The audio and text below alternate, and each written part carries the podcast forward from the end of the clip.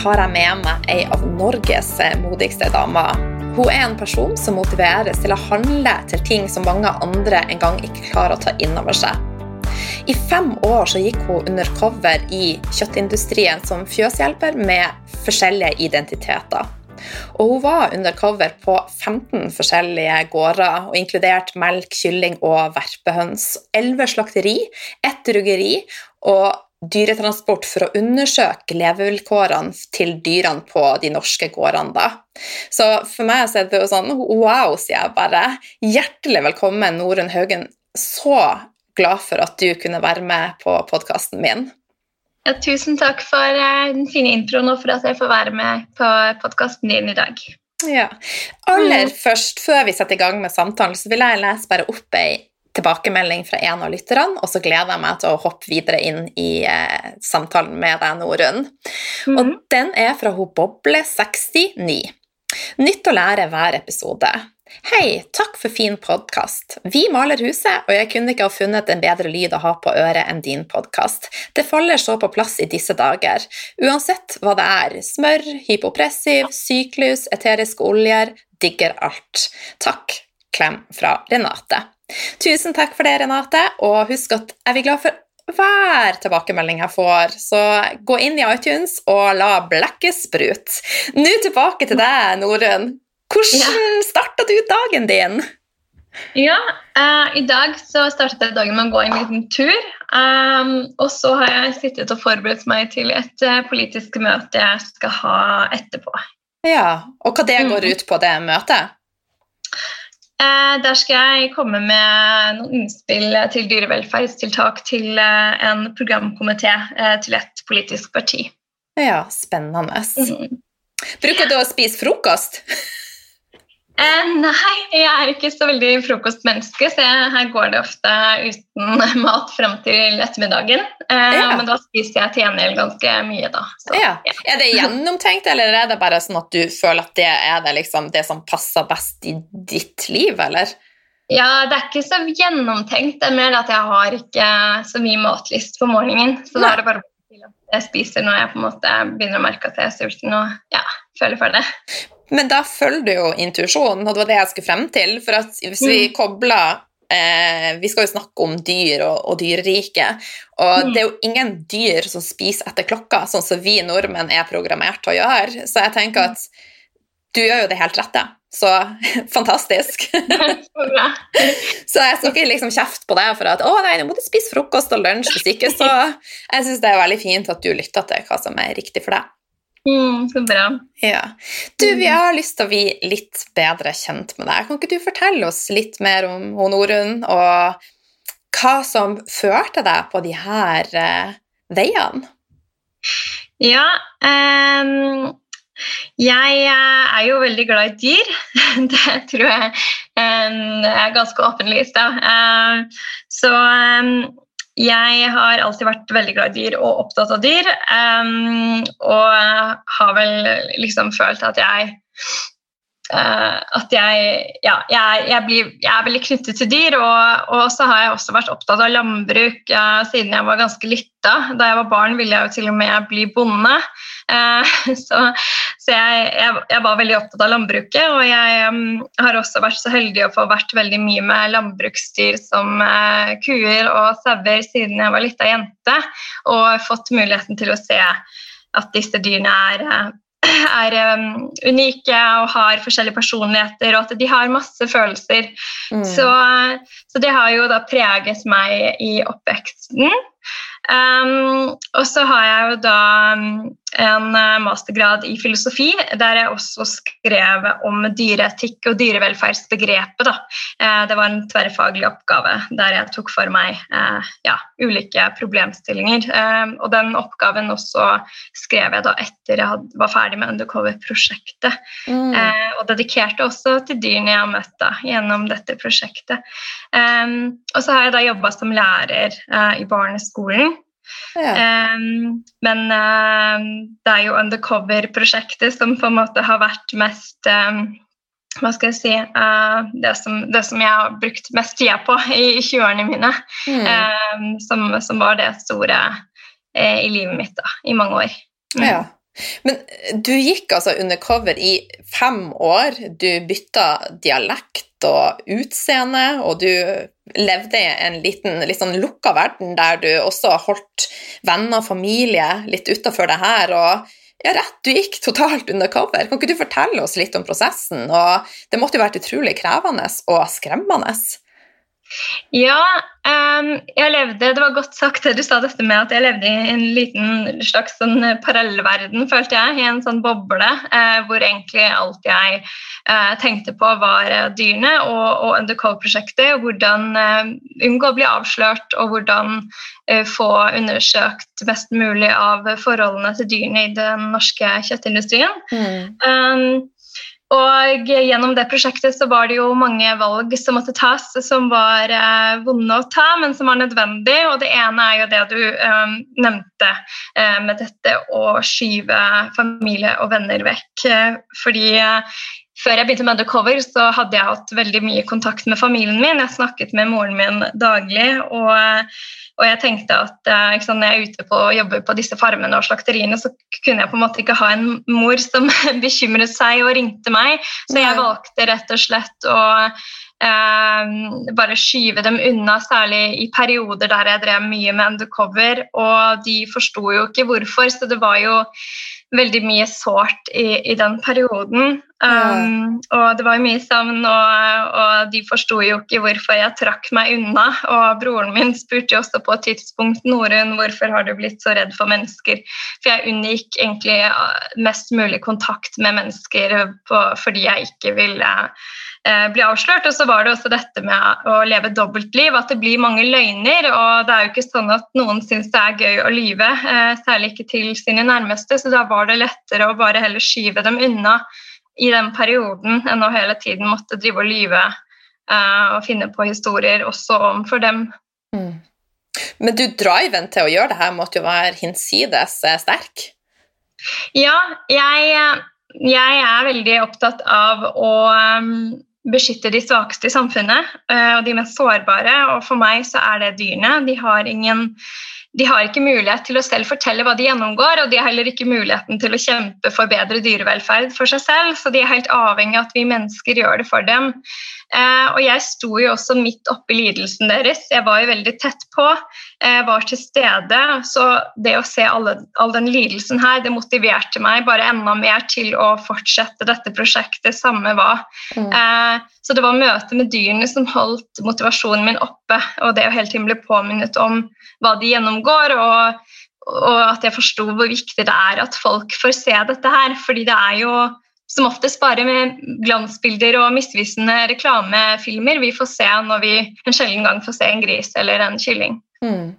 Og vi nordmenn eh, på en eller annen måte så er vi litt naive, tenker jeg. Eller så velger vi bare å lukke dørene. Så, men det skal vi komme litt mer eh, tilbake til. Nå var jeg sterk i mine uttalelser, men, eh, ja.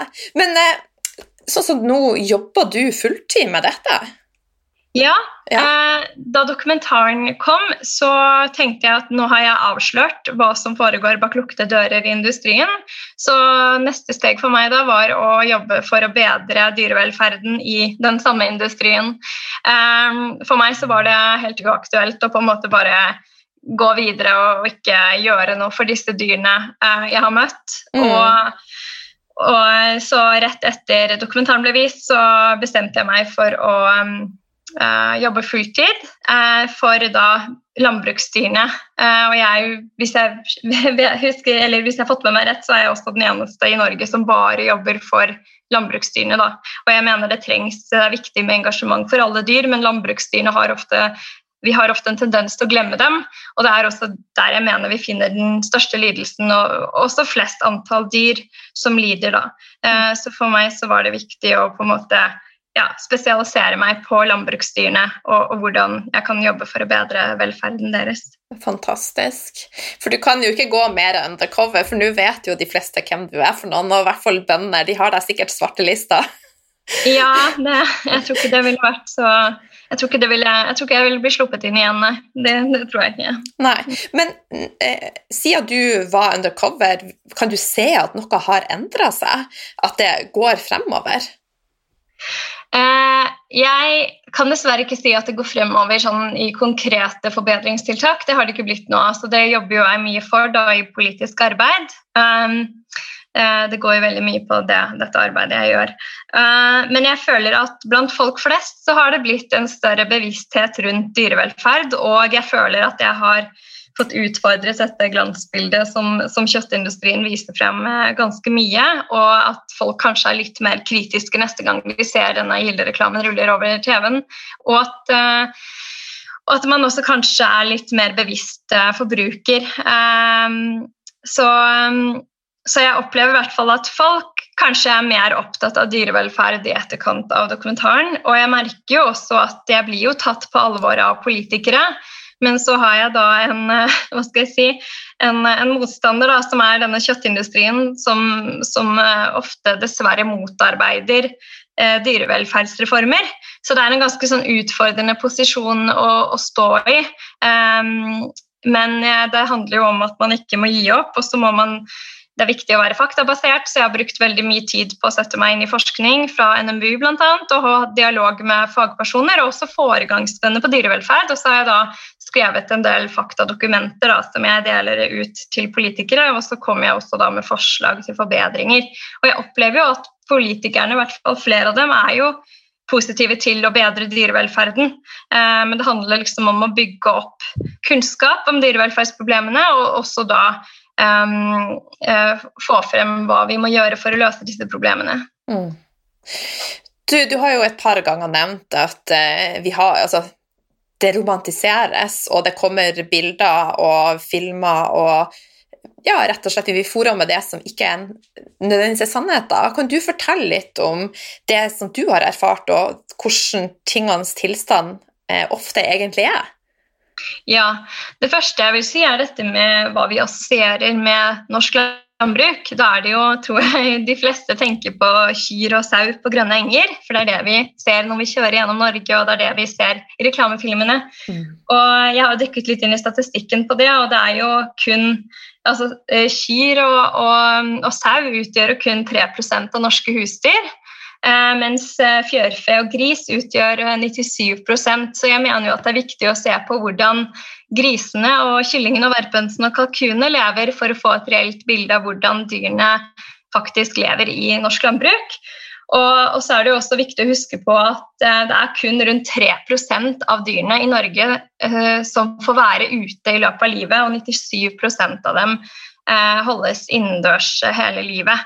Så Uff, det er jo helt forferdelig. Ja, og på gris så er det jo godt under 1% av norske griser som får lov til å være ute i løpet av livet sitt. De fleste står innendørs i trange stimuli, fattige betongbinger hele livet. Mm. Um, ja. Altså jeg bare tenker på jeg som menneske, hvis jeg blir tvungen til å være inne mer enn én dag, så føler jo jeg meg smågal. Så da kan du tenke deg et helt liv uten stimuli, uten noe som helst, det er jo rett og slett jævlig. Ja, det er det. Absolutt. Ja. Men hvorfor tror du det har blitt sånn som det her? Eh, altså, hvorfor eh, hvor, Hvordan er vi kommet så langt? Ja, eh, jeg pleier å vise til landbrukspolitikken, fordi den, den, har mye med dette problemet å gjøre. Eh, det som skjedde var at Rundt 1990 så bestemte politikerne seg for at man skulle effektivisere eh, landbruket. Eh, og at man skulle gjøre landbruket mer markedsorientert og forbrukerrettet, dvs. Si billigere. Eh, altså at kjøttproduktene skulle bli billigere. Og dette rammet da spesielt eh, gris og kylling. Det var også etter den tiden at denne Ross 308, denne broilerkyllingen som vokser unaturlig raskt og får benproblemer og hjertestans, ble introdusert på det norske markedet. Uh, og Det er viktig å få frem at det var ikke bøndene som ønsket denne utviklingen, det var et politisk veivalg. Uh, og jeg tror heller ikke politikerne var helt klar over hvilke konsekvenser dette ville få for dyrevelferden. Så det man så etter det, var at det ble en stor økning i produksjonen av gris og kylling, og det måtte gjøres på en billigst mulig måte. Uh, den, altså Produksjonen måtte markedstilpasses. Mens de tradisjonelle husdyrholdene, som f.eks. melk og eh, ammekyr og, og saueproduksjonen, den, den, den, den, på en måte ble et slags litt sånn glemt kapittel. Da. Eh, og det ble mer fokus på bruk av kraftfôr. Eh, gris- og kyllingproduksjon er jo helt avhengig av kraftfôr for å mm. kunne eh, holde hjulet i maskineriet. Eh, så vi gikk på en måte vekk fra det som tidligere hadde vært bærebelkene i norsk landbruk, da, som var eh, storfe- og småfehold. Um, og det var jo flere gårder som ble lagt ned fordi det, det var, du måtte drive mye større for å få det til å gå rundt. Så det vi har endt opp med, er jo da færre gårder som produserer mye mer, og som har mange flere dyr enn før. Um, og den økningen i kylling- og griseproduksjonen er ekstremt høy. Jeg tror den har rundt over 500 økning eh, på kylling. Uh, og det er jo det dyret vi spiser mest av, sammen med gris. Mm. Um, så jeg tror det er viktig å huske på at det har vært en landbrukspolitisk utvikling som har vært veldig uheldig, eh, der man har hatt et ekstremt stort fokus på å effektivisere grise- og kyllingproduksjonen. Og da må bøndene tilpasse seg. Eh, og dette har da rammet dyrene veldig, veldig hardt. Mm. Ja. Jeg husker jeg, vokste, jeg er jo født på 70-tallet, så eh, når jeg vokste opp, da, så var det jo veldig sjelden at vi spiste kylling og svin. Eh, og hvis vi da skulle ha noe type kjøtt, så var det jo gjerne høne som da ja. vei kokt i flere timer, og ja, gris spiste vi av og til, kanskje i jula. Eh, men sånn som høne og sau spiser vi jo ikke i Norge heller, for at alt skal liksom være kylling, og det skal være lam. Sånn vi har jo fått et litt sånn forvridd bilde, og vi, jeg tenker at vi bare har distansert oss fra hva som egentlig skjer, og at dette er et liv. Hva du tenker ja, jeg tenker at eh, vi har blitt mer distansert fra dyrene desto mer industrielt det har blitt. da, kan du si. Fordi eh, der dyra før var ute i mye større grad, så har de nå blitt lukket inne i disse store hallene for kylling eh, og i betongbinger for gris, og vi ser dem aldri lenger. Så vi har ikke noe forhold til spesielt grisen og kyllingen. da. slik vi kanskje har for kua når vi møter på dem i ny og ne, hvis vi er på fjellet eller andre steder. Mm. Um, og så er det også dette med at desto mer dyrevelferdsmessig problematisk produksjonen har blitt, desto mer usynliggjort har også dyrevelferdsproblemene blitt. Fordi kjøttindustrien er veldig flinke på å usynliggjøre dyrevelferdsproblemene. Um, og jeg tenker jeg pleier å bruke dette med åpen gård-arrangementene som et eksempel. Eh, landbruket sier jo der at man skal vise frem hvordan dyrene lever og hvordan matproduksjon fungerer, men det jeg har sett, da er jo at når man arrangerer åpne gårder, så putter man grisene, kanskje tre-fire griser, ut i en innegning i sola. Og så står den store driftsbygningen med alle grisene som står innendørs, i bakgrunnen. Så da får folk et helt misvisende bilde av hvordan griseproduksjonen foregår. Så det er en slags sånn iscenesettelse av husdyrhold da, mm. som, som, vi bør i større grad begynne å stille spørsmål ved. For det er ikke representativt for hvordan den eh, vanlige gris i Norge lever. Nei. Kan ikke du fortelle oss litt om eh, griser som eh, dyr? Ja, eh, de er et av de mest intelligente dyrene i verden. Jeg tror at hvis folk som har hunder, hadde omgått griser, så ville man sett mange av de samme egenskapene vi kjenner igjen i, i hundene. Griser f.eks. logrer med halen når de er nysgjerrige eller glade. Eh, de liker å leke og bite på ting. Eh, de er eh, veldig renslige dyr. Det er jo denne myten om at griser er skitne, men mm. griser er egentlig ikke skitne i det hele tatt. De er veldig renslige, og vi liker å ha det rent rundt seg. Um, og de bruker gjørme for avkjøling eller til solkrem. Det er derfor de ruller seg i gjørma. Det er ikke for å bli skitne. Skikkelig, skikkelig, smart, faktisk. Ja, ja. ikke sant? Og griser er også et av de få eh, pattedyrene som lager rede til ungene sine. Så hvis en purke har mulighet, så graver hun en gråp med trynet sitt, og så fyller hun det igjen med kvister og blader eh, og gress. Og så føder hun da grisungene i denne gropa og rett og slett ruger på dem, kan du si nesten. da.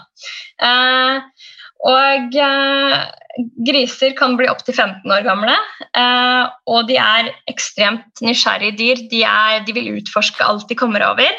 Eh, og så er det viktigste artstypiske behovet deres det er å få rote i jorda med trynet sitt. Mm. Um, og Derfor blir det jo også ekstremt problematisk når disse dyrene eh, puttes inn i disse stimulifattige betongbyngene.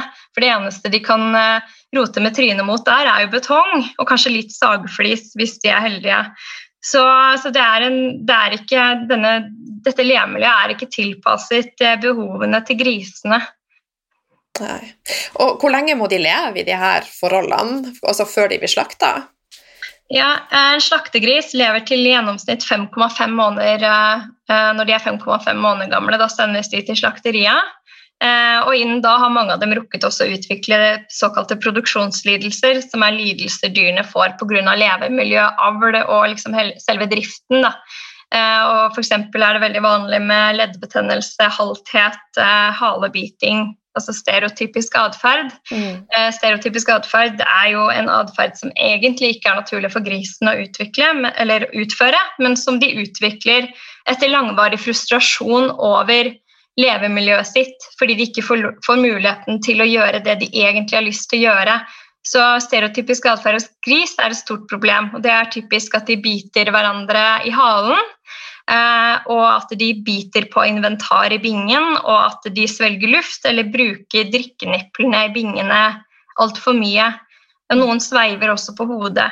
Så det er et veldig sånn, trist eh, griseliv eh, i dag. Jeg bare tenker, altså Vi spiser jo fanger. Eh, det er jo, Vi kan ikke få det sagt finere. Altså, det er jo helt forferdelig. Det burde ikke vært lov å spise det. Jeg, bare får, jeg blir skikkelig forbanna når jeg hører det her. Og hva kan vi gjøre som forbrukere for å snu dette? Ja, jeg tenker at eh, jeg, jeg, tenker at denne debatten rundt dyrehold har blitt ganske polarisert. der man fremstiller det på en måte som at man må bli veganer på den ene siden, eller så må man spise masse kjøtt på den andre siden. Men det fins masse nyanser og muligheter mellom disse to Eh, polene, kan du si. Så det, det, jeg vil anbefale, er jo at alle reduserer kjøttforbruket sitt på gris og kylling. For det er der vi har den, som jeg sa i sted, den største produksjonen og flest dyr, og der det er størst lidelse. Eh, og at man heller velger fra produsenter som f.eks. lar grisene og kyllingene få være ute og leve et mer naturlig liv Mm. At vi rett og slett blir litt mer bevisste på hva vi handler, og unngår industrikjøtt fra f.eks. Gilde og Grilstad og disse kjente merkevarene.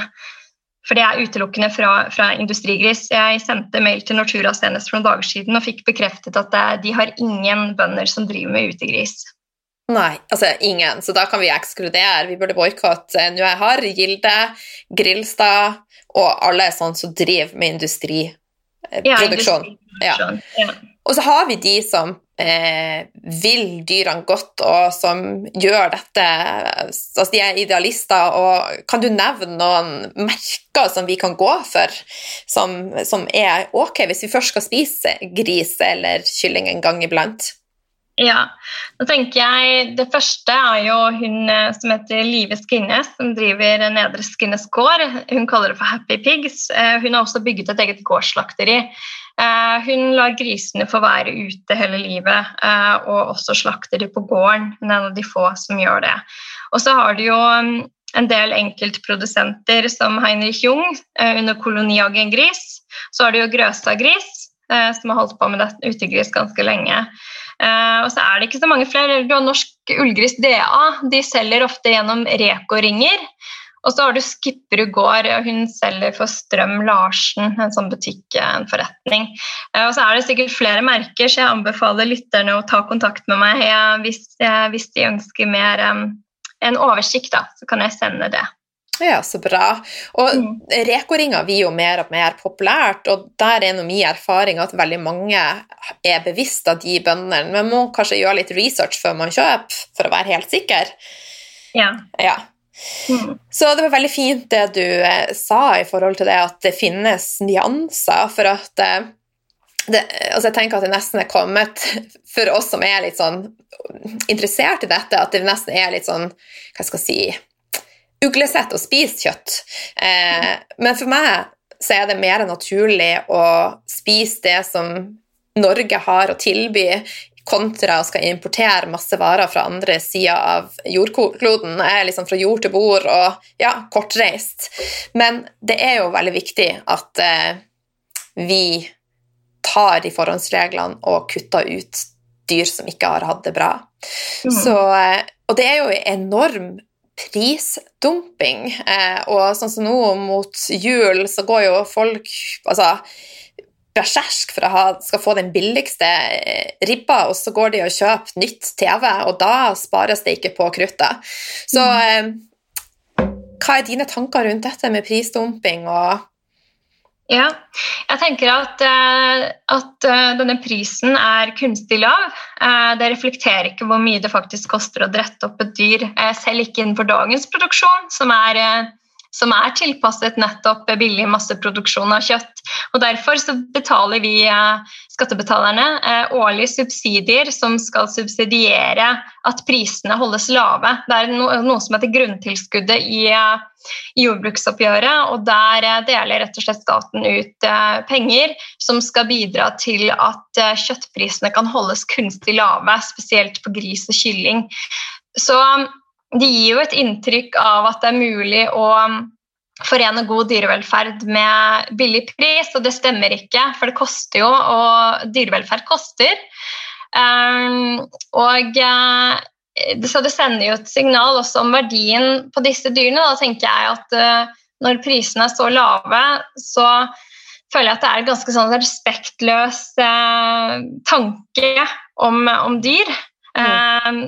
At, at, det på en måte bare er objekter vi kan masseprodusere og, og, selge billig. Og vi bruker jo mye penger på andre varer, og det er det som er så spesielt med gris- og kyllingkjøtt, at de har ikke fulgt den prisutviklingen an, som du ser på andre varer. Det holdes kunstig nede, og den prisen på gris og kjøtt har ikke økt, eller gris og kylling har ikke økt på veldig mange år. Um, og jeg tenker um, at eh, konsekvensen av billig masseproduksjon av kjøtt er dårlig dyrevelferd, fordi regelverket som regulerer eh, hva som er lov å gjøre med dyrene og hvordan dyrene skal leve, det er tilpasset at man skal kunne opprettholde eh, en billig masseproduksjon. Så igjen jeg tenker at vi må ta et oppgjør mot denne prisdumpingen. Og uh, heller, uh, heller, være villige til å betale mer. Men der tenker jeg også industrien har en oppgave, for jeg pleier å ta forbrukerne litt i forsvar. Fordi jeg tror de fleste er veldig opptatt av dyrevelferd. Men vi får jo hele tiden høre fra landbruket selv, altså landbruksorganisasjonene, mm. um, at dyrevelferden er så god i Norge, samtidig som vi ser at kylling koster under 20 kroner.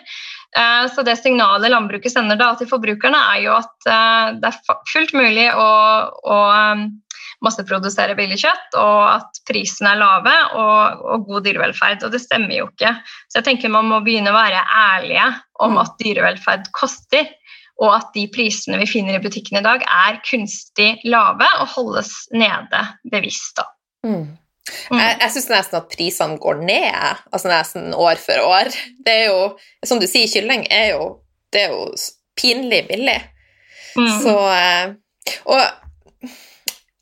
jeg syns jo at vi i større og større grad kan dra paralleller til det som skjer i USA. Eh, og det syns jeg òg er så utrolig trist. Eh, utrolig trist. Så men i Norge så har vi jo masse annet kjøtt vi kan spise. Eh, kan ikke du fortelle litt om det? Altså elg og Det, det er jo mange, mange, andre ting vi kan velge enn eh, kylling og gris. Ja, det er jo det. Jeg tenker også spesielt på de som er opptatt av bærekraft og kortreist og sånn, så er det å boikotte kraftfòrbasert eh, husdyrproduksjon en vei å gå.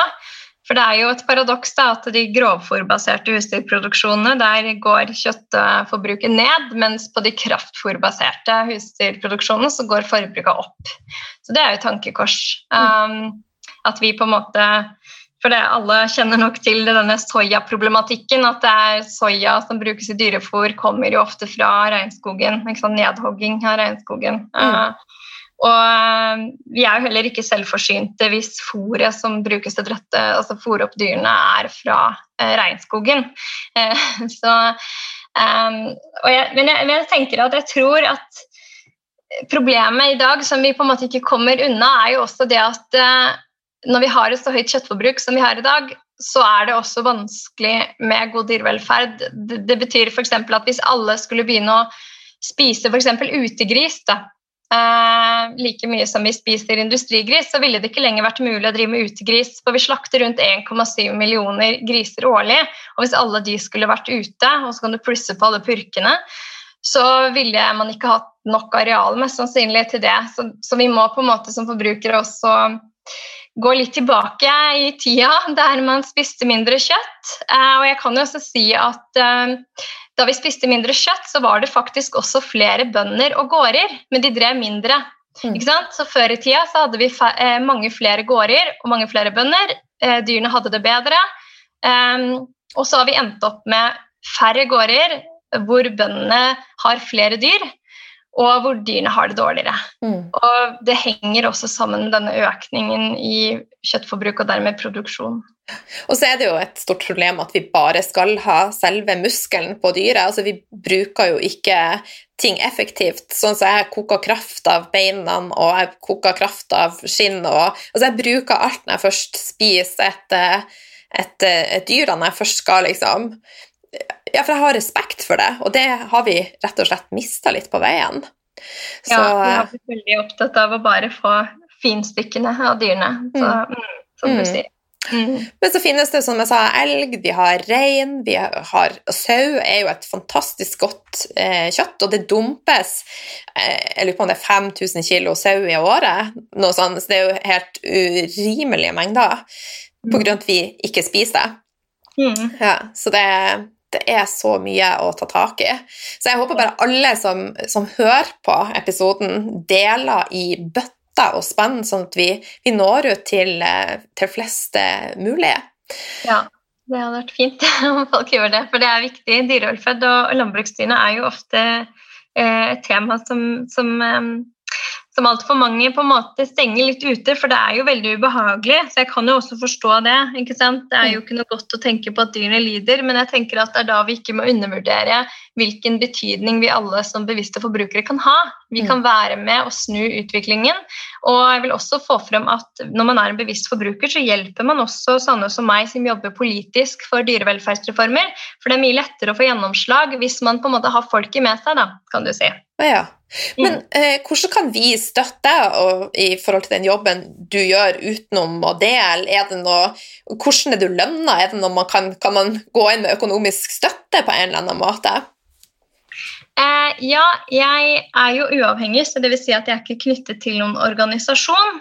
Eh, og arbeidet mitt finansieres av dyrevenner, enkeltpersoner, eh, gjennom noe som heter patron.com Norunn Haugen. Der kan man støtte meg med alt fra fem kroner til mer. Og der får man også jevnlige og mer detaljerte oppdateringer om arbeidet mitt for dyrene. Ja, så fantastisk. Mm. Mm. Det du sier med å ta ned rullegardiner altså jeg er jo engasjert eh, i dette, men den dokumentaren som, som du har vært med og laga da, den satt langt inne for meg også så jeg, for jeg visste at det kom til å bli forferdelig. Så jeg måtte porsjonere den litt opp. Og jeg vil også anbefale deg å kanskje ikke se det rett før man skal legge seg, for det, dette må jo fordøyes på en eller annen måte, for det er eh, Ja, det er skikkelig, skikkelig tøft eh, å, å, se. Og mm på ett av eh, klippene i filmen så tar du tak i en spegris og slår den hardt i veggen eh, for å avlive den. Og det fikk du mm. beskjed om å gjøre. Og meninga var at grisen skulle miste bevisstheten, eh, og så skulle den slaktes. Men den ble aldri slakta, sånn som jeg da kunne se. Eh, hvordan var det for deg å gjøre alt dette, når du er så oppriktig glad i dyr? Og se hvordan Ja. Mm. Uh, ja, nei, først vil jeg si at den, uh, Det du beskriver der med å slå i hjel grisunger, det er vanlig praksis og lovlig, og også noe landbruket selv anbefaler å gjøre. og Den metoden er jo veldig kritikkverdig og noe som bl.a. er forbudt i Tyskland. Det er forbud mot å slå i hjel grisunger der. Uh, så det er jo også noe man bør gå vekk fra i Norge, for det finnes alternative måter å gjøre det på som vil være bedre for dyrene. Um, jeg tenker at um, det å gå undercover, det er ingen, eh, det er ingen dans på roser, for å si det mildt. Eh, det er eh, Hva skal jeg si? Man, man, man får utfordret egentlig alle sine etiske Hva skal jeg si Ja, det er det er veldig vondt og vanskelig. Jeg merker det når du på en måte spør meg også så direkte om, om hvordan det føltes. så blir jeg litt sånn, Man går jo nesten litt sånn i en slags uh, hva skal jeg si, fornektelse, kan du si. da, For det er jo litt det som har vært greia gjennom dette prosjektet, at jeg har aldri egentlig eh, kunnet føle så veldig mye på det jeg har gjort og sett og vært med på. Mm. Fordi det blir rett og slett for vondt. Um, Mm. Fordi som du sier, jeg har en ekstremt sterk kjærlighet for dyr. Uh, jeg har valgt å bruke hele livet mitt for å gjøre det bedre for dem. Uh, og eh, for meg så var det egentlig noe jeg unngikk å gjøre. fordi én ting er jo det å se dyr lider og bli påført smerte smerte. Utgangspunktet mitt var at jeg var et ekstremt følelsesmenneske. Jeg har alltid grepet inn hvis jeg ser noen er slemme mot enten dyr eller mennesker. Så jeg måtte jo handle i stikk i strid med mine hva skal jeg si, naturlige instinkter. Mm. Eh, og det i seg selv var kjempevanskelig, men så tenkte jeg hele tiden at det beste jeg kan gjøre for dyrene, er ikke å gripe inn, for da, blir, da, da kommer aldri det dyrene opplever, frem i lyset. fordi det jeg dokumenterte, det skjer uansett om jeg er der og filmer eller ikke. og Det er bedre for dyrene at det blir fanget på kamera og at folk får se, og at det kan brukes til å få gjennom endringer til det beste for dem. Og så tenkte jeg at de dyrene som er der, de er på en måte fortapt. Jeg kan ikke gjøre noe for dem. Eh, jeg kan ikke hjelpe dem, jeg kan ikke unngå at de skal lide. Og det å være delaktig Jeg prøvde jo å unngå det så langt jeg kunne, men jeg merket at det skapte en veldig sånn mistenksomhet. For vi har å gjøre med en industri som er bygga på brutalitet mot dyr. Og hvis du da kommer inn der og oppfører deg som nærmest en dyreverner, da, for eksempel, ved at man koser med dyrene eller vegrer seg for å gjøre det de andre gjør, så blir du lagt merke til. Og jeg var allerede lagt merke til fordi jeg var jente i et veldig mannsdominert yrke. Og jeg var også ganske ung. Så eh, jeg eh, innså etter hvert at jeg måtte på en måte bare gjøre det jeg ble bedt om å gjøre for å kunne opprettholde prosjektet og um, få dokumentert mest mulig av hvordan dyrene uh, lider da, i denne industrien. Um, så man kan jo på en måte, det, det, det er det som er så paradoks i dette her, at den empatien jeg har for dyr, var også det som kanskje fikk meg til å måtte gjøre disse tingene, fordi jeg så oppriktig trodde at det å mm. dokumentere var det som var det beste for dem. Mm. Men, Men, det var veldig, veldig vanskelig, og eh, det er på en måte noe jeg prøver å ikke tenke så mye på i hverdagen. Men eh, ja. Mm. Men altså, det er jo ikke noe tvil om at du gjorde det riktig, og du har gjort en fantastisk eh, jobb, for hvis ikke så hadde jo ikke dette kommet opp i dagens lys, og da hadde vi jo vært like langt. Så jeg bare syns du er så sterk som faktisk klarte å gjennomføre, for de fleste hadde nok knekt sammen og lagt på sprang. Så, ja. så, jeg vet at jeg hadde aldri klart det. Altså, jeg har klart å se det et kvarter, og så begynner jeg å skrike. Så det, jeg syns det er helt fantastisk. Så eh, Men hvordan Eh, sånn I ettertid, hvordan har bøndene reagert på de du var i kontakt med? Eh, har du fått noen som har liksom, tatt kontakt med deg, og ja, Må du ha livvakt? Nei. Jeg, jeg, hadde, jeg, tok kontakt med bøndene jeg hadde jobbet hos uh, før dokumentarvisningen. Uh, for de har en del rettigheter, tilsvarsrett, og de skulle få se filmen i forkant. Det var NRK som var ansvarlig for det, men jeg jeg, jeg, jeg, ønsket å ringe dem selv. For jeg syntes at det var mest redelig å gjøre det, at de ikke skulle få høre det fra en fremmed person. Uh, og den dagen var et helvete, for å si det mildt. Uh, det var veldig mye gråt fra meg og veldig stress. stress. Uh, og bøndene reagerte forskjellig. Um, men etter dokumentaren så har jeg ikke hørt fra noen av dem. Men så var jeg jo kalt inn som vitne i denne Økokrim-saken. Fordi Økokrim ble satt ned av Riksadvokaten til å etterforske hendelsen. dokumentaren, Så da var jeg jo vitne bl.a. Eh, i den saken. Mm. Um, men utover det så har jeg ikke hatt noe kontakt med, med de bøndene. Uh, men jeg har ikke noe vondt å si om dem, og det er det jeg på en måte prøver å få fram også. At jeg var veldig opptatt av å skille menneskene fra handlingene, for jeg mener at disse menneskene eh, gjorde så godt de kunne under dagens rammeverk. Da. Altså, de er mennesker som, hvis du hadde satt dem i en annen situasjon, et annet, et annet driftssystem La oss si du hadde latt de få ha noen få dyr ute, eh, drive med utegris f.eks.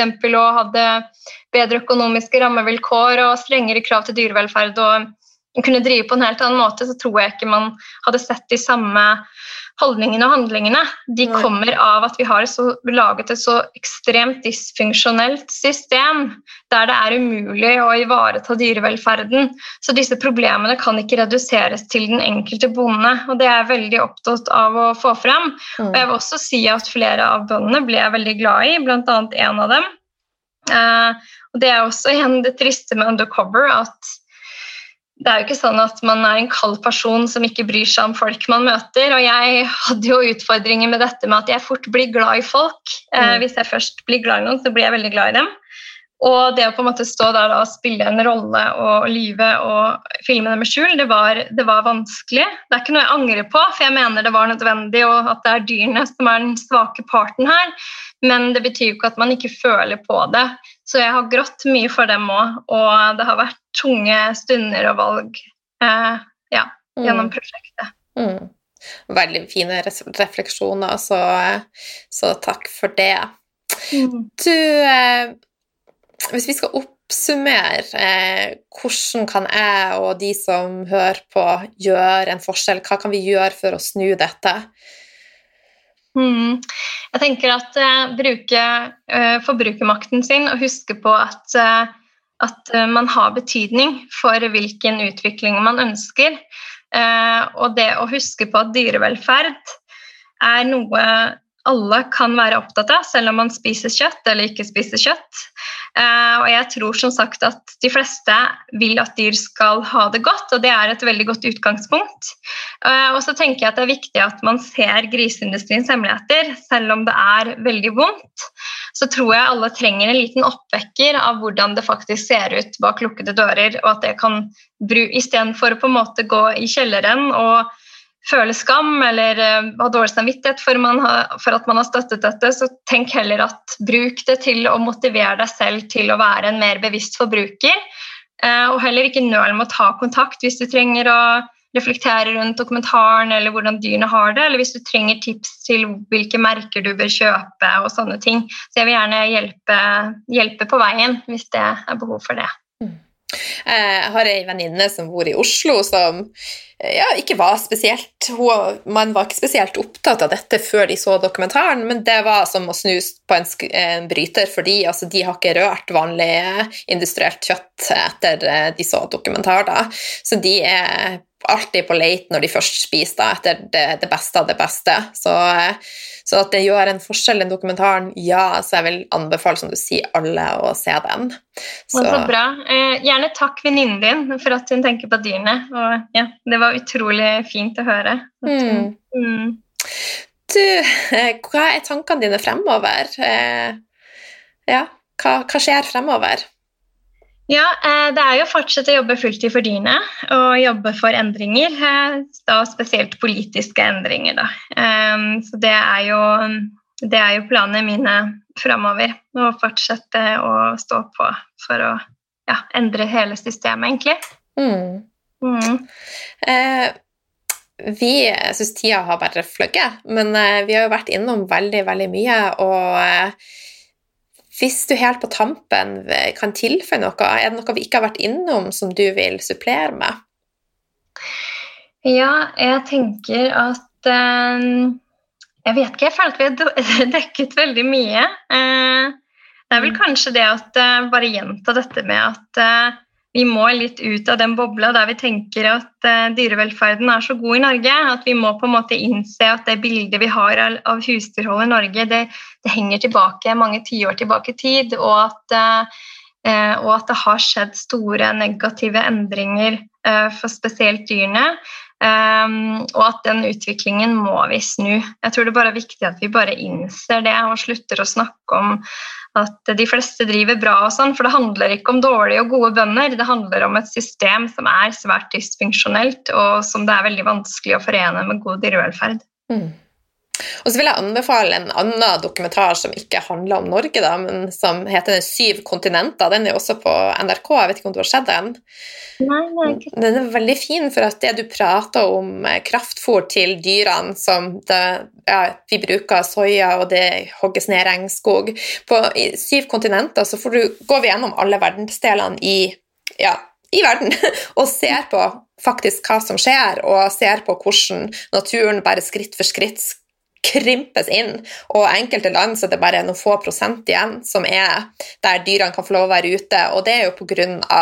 bl.a. at vi hogger ned sånn at våre griser og kylling skal få kunstig fôr istedenfor at de får lov å beite ute. Så det er jo dys dysfunksjonelt i hele verdenssammenhengen, og det er jo også viktig at vi tar inn over oss.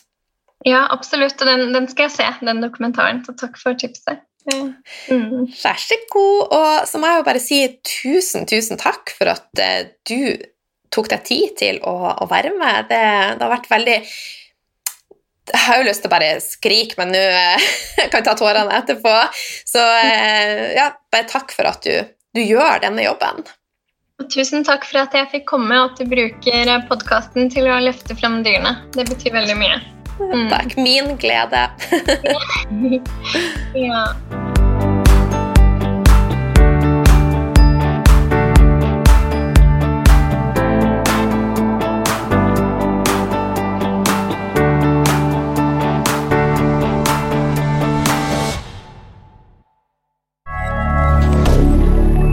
Media.